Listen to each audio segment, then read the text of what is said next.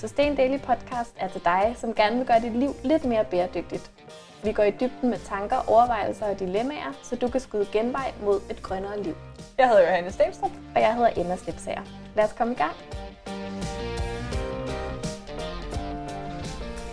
Hej Emma. Hej Johanne. Det er det lidt mærkeligt. det er lidt akavet. Vi plejer, når vi optager podcast, at sidde øh, meget intimt alene inde i et rum. Vi har lydisoleret så godt som vi kan. Det indebærer nogle gange at sidde øh, inde i en hule under nogle dyner. Og lige nu der sidder vi overhovedet ikke inde i nogen hule. Nej, vi sidder i øh, Brians 10 år gamle shop nu. Det kan man dog ikke se på den på nogen måde. Vi sidder i Igo Igo på Nørre øh, Maxgade, fordi at butikken fylder 10 år. Og vi øh, har nede for at fejre vores magasin og for at optage et øh, lille podcast-afsnit med øh, et dejligt eksklusivt publikum. Tusind tak. Og øh, hvis nogen har lyst til at stille spørgsmål, må I jo endelig gøre det undervejs.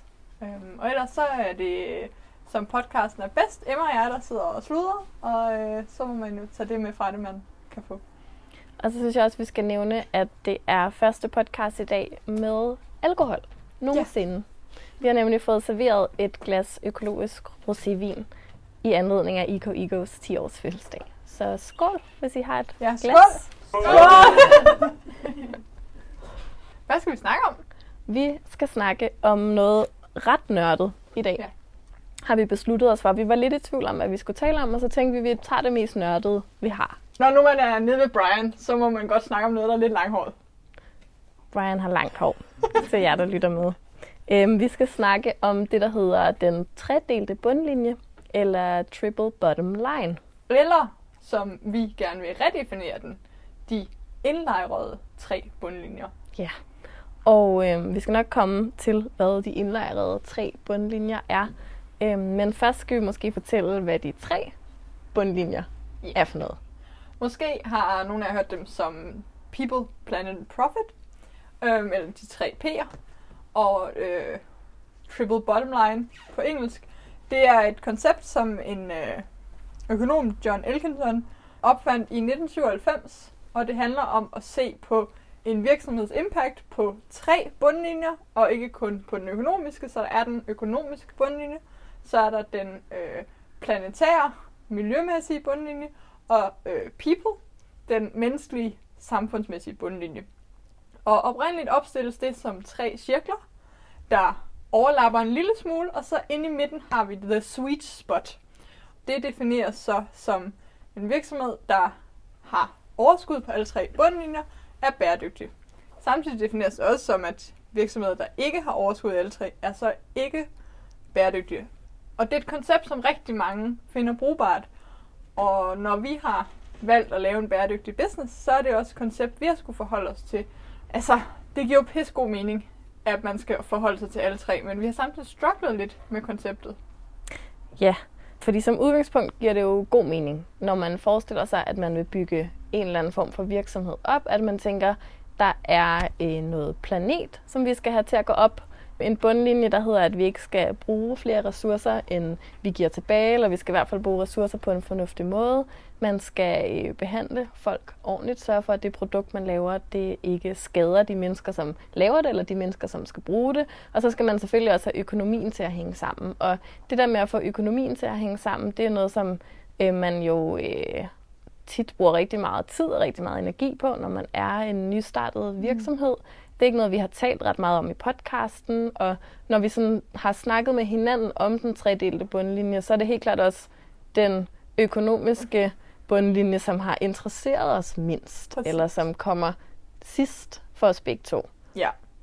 Man skal måske også snakke lidt om, at det, der er i det her koncept, den tredelte bundlinje, det er, at det er en måleenhed, og det vil sige, at man kan på en eller anden måde, hvis man sætter det op sådan meget som økonomer gør, snakke om, om de er lige hinanden, om de er lige meget værd, eller om de kan udbyttes. Og vi har i hvert fald haft en helt klar fornemmelse i Sustain Daily, og meget udtalt, at man kan aldrig udbytte den økonomiske bundlinje for de to andre. Nej, altså intuitivt har vi nok haft det sådan, at de tre cirkler havde forskellige størrelser. Trip, trap, træsko. Den mindste, det var den økonomiske.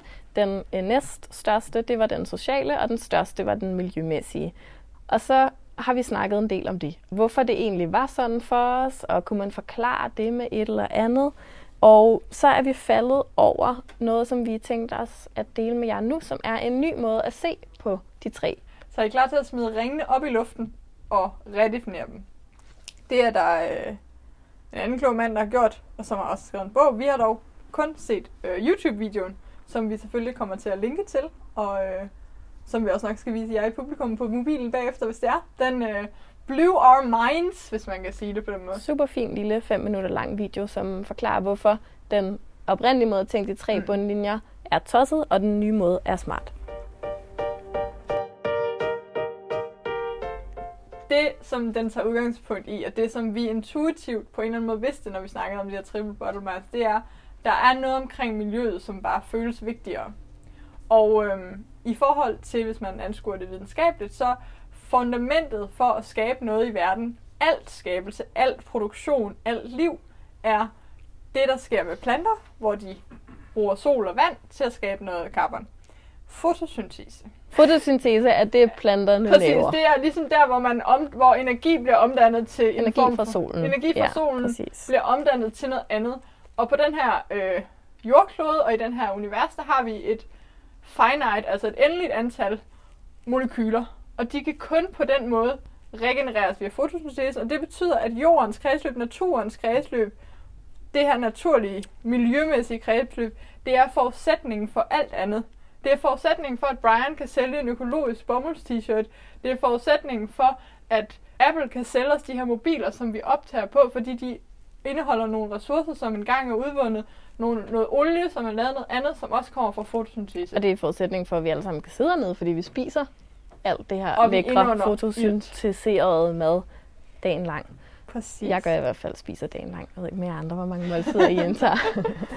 og det Johanne vil sige med alt det her med fotosyntesen, det er, at i den nye model, der er miljø, bundlinjen, miljøcirklen, den største. Så det starter med miljøcirklen. Mm. Den er stor. Den kan man se for sig som en form for sol eller møllehjul. Mm. Eller planeten. Eller planeten. Lige så stor som hele planeten. Så det, der er så smukt ved den her model, det er, at inde i den store miljøcirkel, der er der indlejret en lidt mindre cirkel, som er den sociale Mm. cirkel. Samfundet er jo kun, samfundet som vi bor i, som alle mennesker er i, er jo kun resultatet af, at vi er, har en planet at være på, et miljø at være i. Ja, så hvis vi ikke havde planeten, så kunne der heller ikke være nogen samfund. Og det afspejler modellen ligesom ved at sige, at planetens cirkel er den største, og samfundets Mm. cirkel er lidt mindre, fordi samfundet er en del af planeten, men planeten er mere end samfundene. Og så kan man næsten selv gætte, hvor den øh, økonomiske cirkel er placeret, og hvor stor den er. Den er nemlig placeret inde i den sociale, samfundsmæssige cirkel, og den er den mindste. Ja. Så inde i planeten er der et samfund, og inde i samfundet er der en økonomi. Det passer med den trip trap træsko tankegang, som vi også var kommet frem til op i vores hoveder, men i stedet for at have det her olympiske logo, så er cirklerne lagt oven på hinanden. Men hvad er det, vi skal bruge det til? Jamen, Altså- det er jo det, det snakkede vi nemlig om, før vi lavede den her podcast. Hvis vi nu gik ned i det her meget teoretiske triple bottom line show, hvad var så ligesom det tip, vi skulle give i forhold til, når man nu går rundt i sin hverdag og gerne vil leve mere bæredygtigt? Hvordan skal man så bruge den her viden om den tredelte bundlinje, den indlejrede bundlinje, cirklerne, forhold til hinanden, indbyrdes størrelsesfordeling, alt sådan noget. Og det korte og mest ærlige svar er, at det skal man måske ikke bruge til sådan vildt meget i sine hverdagsbeslutninger. Det er måske lidt for abstrakt, og måske skal man nærmere leve sit liv på den her planet, og bruge det som en beslutning for, at jamen, man gør noget godt for planeten hver dag, og man gør noget godt for det samfund, og deltager i det samfund, man er i, og deltager til en økonomi. Der, hvor, hvor jeg synes, man især kan bruge det, er, når man kigger øh, bæredygtige virksomheder i eftersømmene. Altså hvis man kigger bæredygtige Præcis, virksomheder men efter hvis nu i man sømmene. skulle lave et stort køb, som en seng, Mhm. øh, eller et par vinterstøvler, alt efter hvad man anser som stort køb i ens liv, og gerne vil gøre det bæredygtigt, så kan man måske bruge den her te- teori, når man læser deres hjemmeside igennem. Jeg tænker også, at man kan bruge det som en mere overordnet måde at forstå verden på. Sådan hænger verden sammen. Øhm, fundamentet for, at vi kan løbe rundt og lave de ting, vi gør, det er, at vi behandler øh, de ressourcer, vi har på planeten på en måde, sådan så de bliver ved med at være her, sådan så at de næste generationer også kan være her. Øhm, det er jo i virkeligheden ja, en måde at sådan, øhm, illustrere hele bæredygtighedsbegrebet, mm. og også som man måske kan bruge, hvis man snakker om nogen, øh, med nogen om bæredygtighed, og hvorfor man synes, at bæredygtighed er vigtigt, og hvorfor man synes, det er vigtigt i alle de beslutninger, man træffer, at tænke på at gøre det mere bæredygtigt, mm. så kan man jo tage udgangspunkt i at sige, at det er fordi, det handler om fundamentet for alt det, vi har øh, sammen, og der er ingen diskussioner om økonomiske systemer eller øh, politiske systemer, hvis ikke vi har et samfund, og vi kan kun have et samfund, hvis vi har en planet. Mm. Øh, så på den måde er bæredygtighed jo hele fundamentet for, at vi overhovedet kan være her. Men økonomi er jo stadigvæk en del af det. Og der er stadigvæk i den nye model et sweet spot for en bæredygtig business, som formår at være miljømæssigt bæredygtig, socialt bæredygtig og økonomisk bæredygtighed. Og vi er jo rigtig gode til at kigge efter miljømærker. Vi snakker også en gang om Fairtrade, men Emma, tænker du nogensinde over, om det du køber er, om du støtter noget økonomisk bæredygtigt? Eller om det er økonomisk bæredygtigt? Jeg opdager jo nogle gange, at jeg har støttet noget, der ikke var økonomisk bæredygtigt. Ja. Hvis jeg har købt et produkt, som så holder op med at findes, øh, fordi det simpelthen åbenbart ikke var en forretning, der kunne løbe rundt.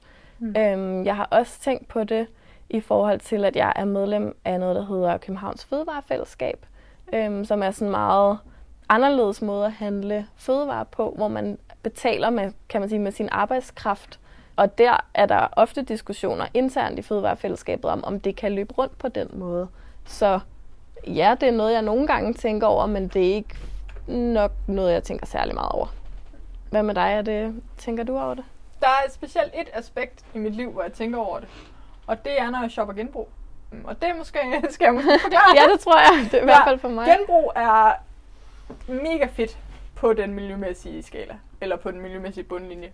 Uanset. Du støtter ikke produktionen af nye ressourcer, du holder liv i noget, osv. osv. Det kan være lidt iffy på den sociale, det kan være lidt svært at måle, hvordan diverse genbrug støtter der. Men på den økonomiske, der tænker jeg meget på, om jeg støtter en forretningsmodel, eller ej.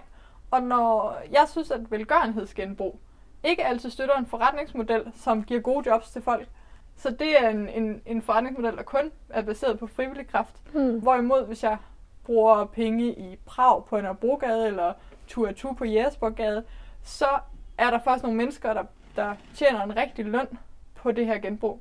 Så du vil, altså du tænker på det på den måde, at du hellere vil købe noget fra en genbrugsbutik, hvor den ansatte får løn? Præcis. Jeg vil hellere, hvor selve det at sælge genbrugstøjet bidrager til en økonomisk bæredygtig forretning. Mm. Hvorfor er det så bedre at gå ned der, hvor de får løn? Jeg ved ikke, om jeg kan øh, komme med et grundlæggende svar på, hvorfor at det er øh, bedre for alle mennesker. Men for mig vil jeg hellere støtte noget, som er en forretningsmodel, fordi at jeg generelt synes, at vi har devalueret genbrug så meget, netop fordi det oftest indtræder i den her forretningsmodel, som ikke er økonomisk bæredygtig, fordi den kræver frivilligt for at sælge det. Øh, og det er et problem for, det er et strukturelt problem i modebranchen, at vi anser værdien af brugte tekstiler så lavt. Og det er genbrugsforretninger, som baserer på en holdbar forretningsmodel med til at gøre op med. Nu kommer jeg lige i tanke om, hvordan jeg egentlig også øh, nogle gange tænker over mm. det her med, om det er økonomisk bæredygtigt. Og det er, at jeg kan ret godt lide at tænke på, at jeg giver mine penge til nogen, som prøver at gøre verden til et bedre sted. Altså, der er jo nogen, der prøver at gøre verden til et bedre sted, uden at få penge for det, og det er jo mega prisværdigt. Men der er jo også rigtig mange, som har brug for nogle penge, for at de kan få deres tilværelse til at løbe rundt. Og hvis de kan få dem ved at arbejde med at redde verden på den ene eller den anden måde, så synes jeg, det er mega fedt. Øhm, og det kan jo godt være et argument for at betale noget mere for et produkt, øh, som man kunne få billigere. Men hvis man så betaler noget mere for dem, mm. så er der faktisk også nogen, som kan lave en forretning ud af det. Det, er jo, det taler jo meget ind i Præcis. det. Ikke? Øhm, spørgsmålet er, om man kan sige, at der er forskel på at handle i f.eks. en Røde Kors genbrugsbutik, og så i nogle af de her større genbrugsbutikker, hvor de importerer genbrugstøjet sådan rent bæredygtighedsmæssigt. Altså er det bedre at købe lokalt tøj, hvis man kan sige det på den måde, end at købe importeret genbrugstøj? Generelt set kan man sige, at fragt i af tekstiler ikke udgør et kæmpe, kæmpe miljømæssigt problem. Men hvis man har en værdi omkring, at man gerne vil købe lokalt, så vil jeg helt klart sige, at det er muligheden. Men så er der også de små consignment-butikker, hvor det er lokale, der rent faktisk lægger tøj ned. Det er øh, det, som kommission eller en consignment betyder. Kommission er det danske Ja. ord. Yes. Øhm, og det er der Tak. nogle små butikker, som gør. Og så er der større kæder, som rigtig nok importerer tøj. Og ja, der er helt klart noget transport der. Røde Kors har også et kæmpe maskineri, og man kan på ingen måde være sikker på, at det, der rammer i butikkerne, er det, der er blevet indsamlet på Nørrebro. Øh, men det er helt klart nogle, nogle mere lokale loops. Det skal ikke være en, en snak om værdikæden i velgørenhedsgenbrug, men der er helt klart noget, hvor man også, synes jeg, skal bruge det her begreb til at se, hvad er vigtigst for mig? Hvis man, hvis, hvis man kan bruge det til at reflektere over planeten, om hvordan synes jeg, man støtter op. For det er jo også på nogle måder, kan det jo være selvmodsigende. Nogle ting kan være godt på det ene parameter, og nogle ting kan være godt mm. på det Mhm. andet parameter. Øhm, og også inden for cirklerne kan der være noget, der virker Det her afsnit af Sustain Daily Podcast er sponsoreret af Sustain Yearly, et magasin om bæredygtig livsstil, som vi har fyldt med spændende interviews, lækre grønne opskrifter og vores allerbedste tips og tricks til bæredygtige vaner. Hvis du, der læser med, har lyst til at sponsorere et eller flere afsnit af podcasten, Og hvis du har en virksomhed, som ligesom os prøver på at ændre verden, så skriv en mail til os på kontakt Vi glæder os til at høre fra dig og hjælpe dig med at nå endnu længere ud med dit grønne budskab.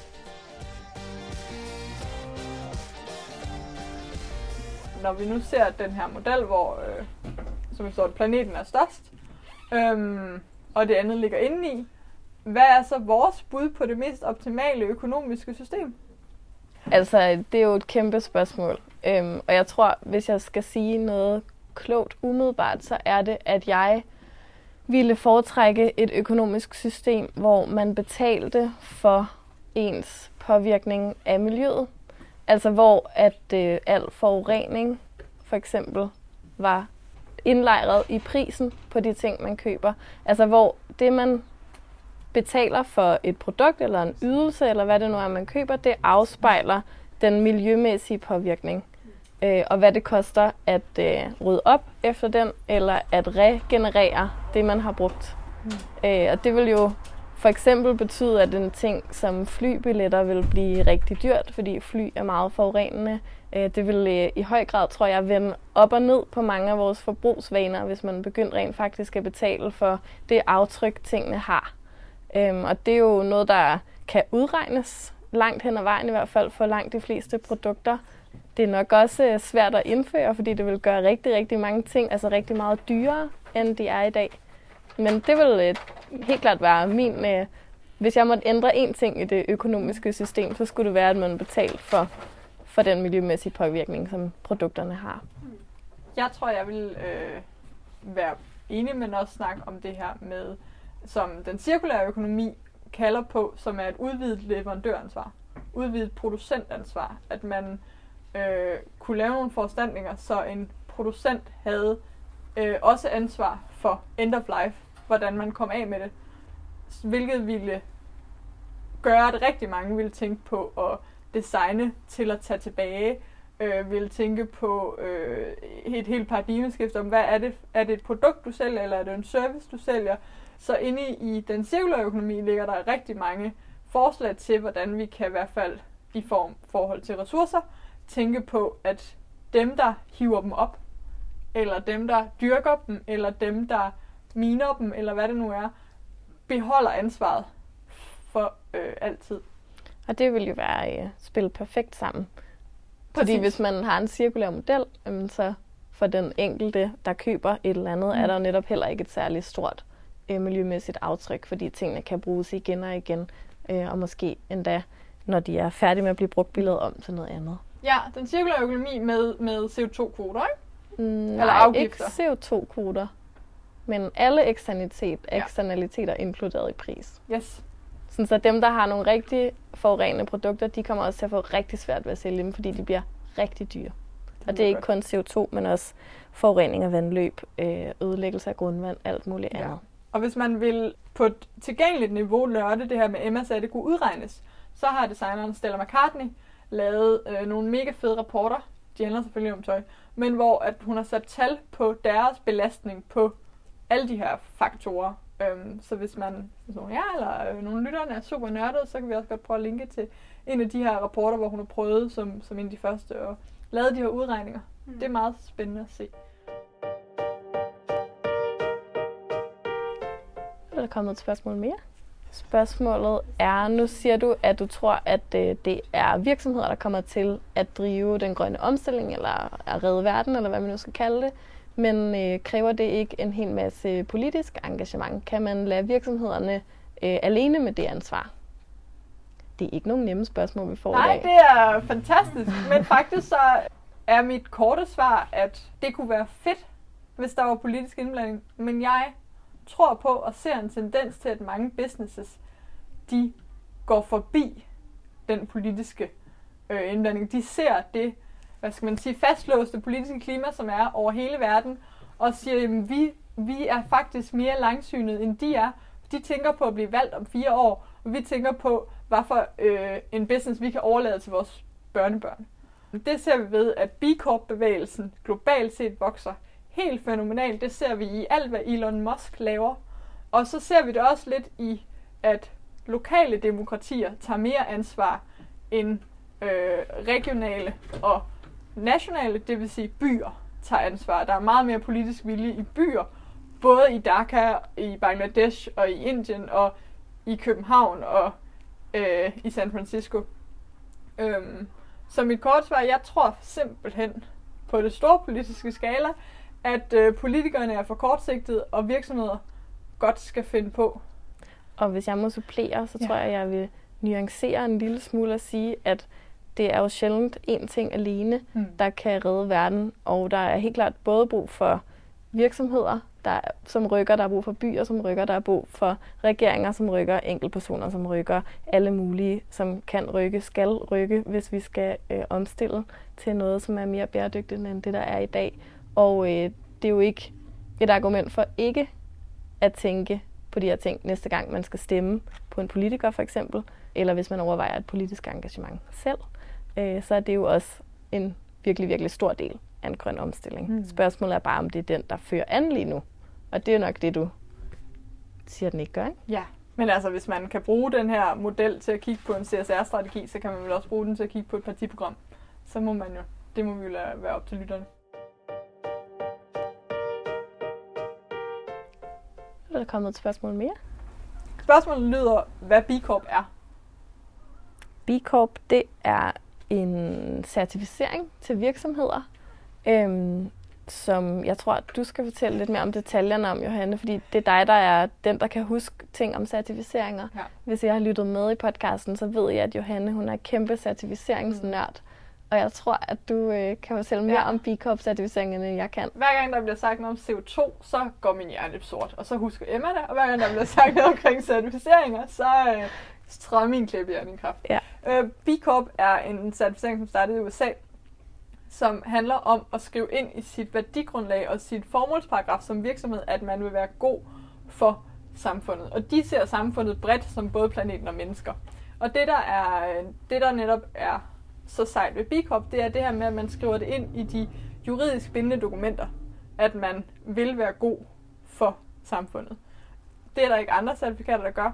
Det, derudover så er det en vidderligt en 360 graders assessment af ens virksomhed, man går igennem for at være det, hvor man øh, måler øh, på alt, der har med ens medarbejdere at gøre, alt, der har med ens impact på det, der hedder civilsamfundet, alt, der har med impact på, øh, på miljøet at gøre, og nogle produkter.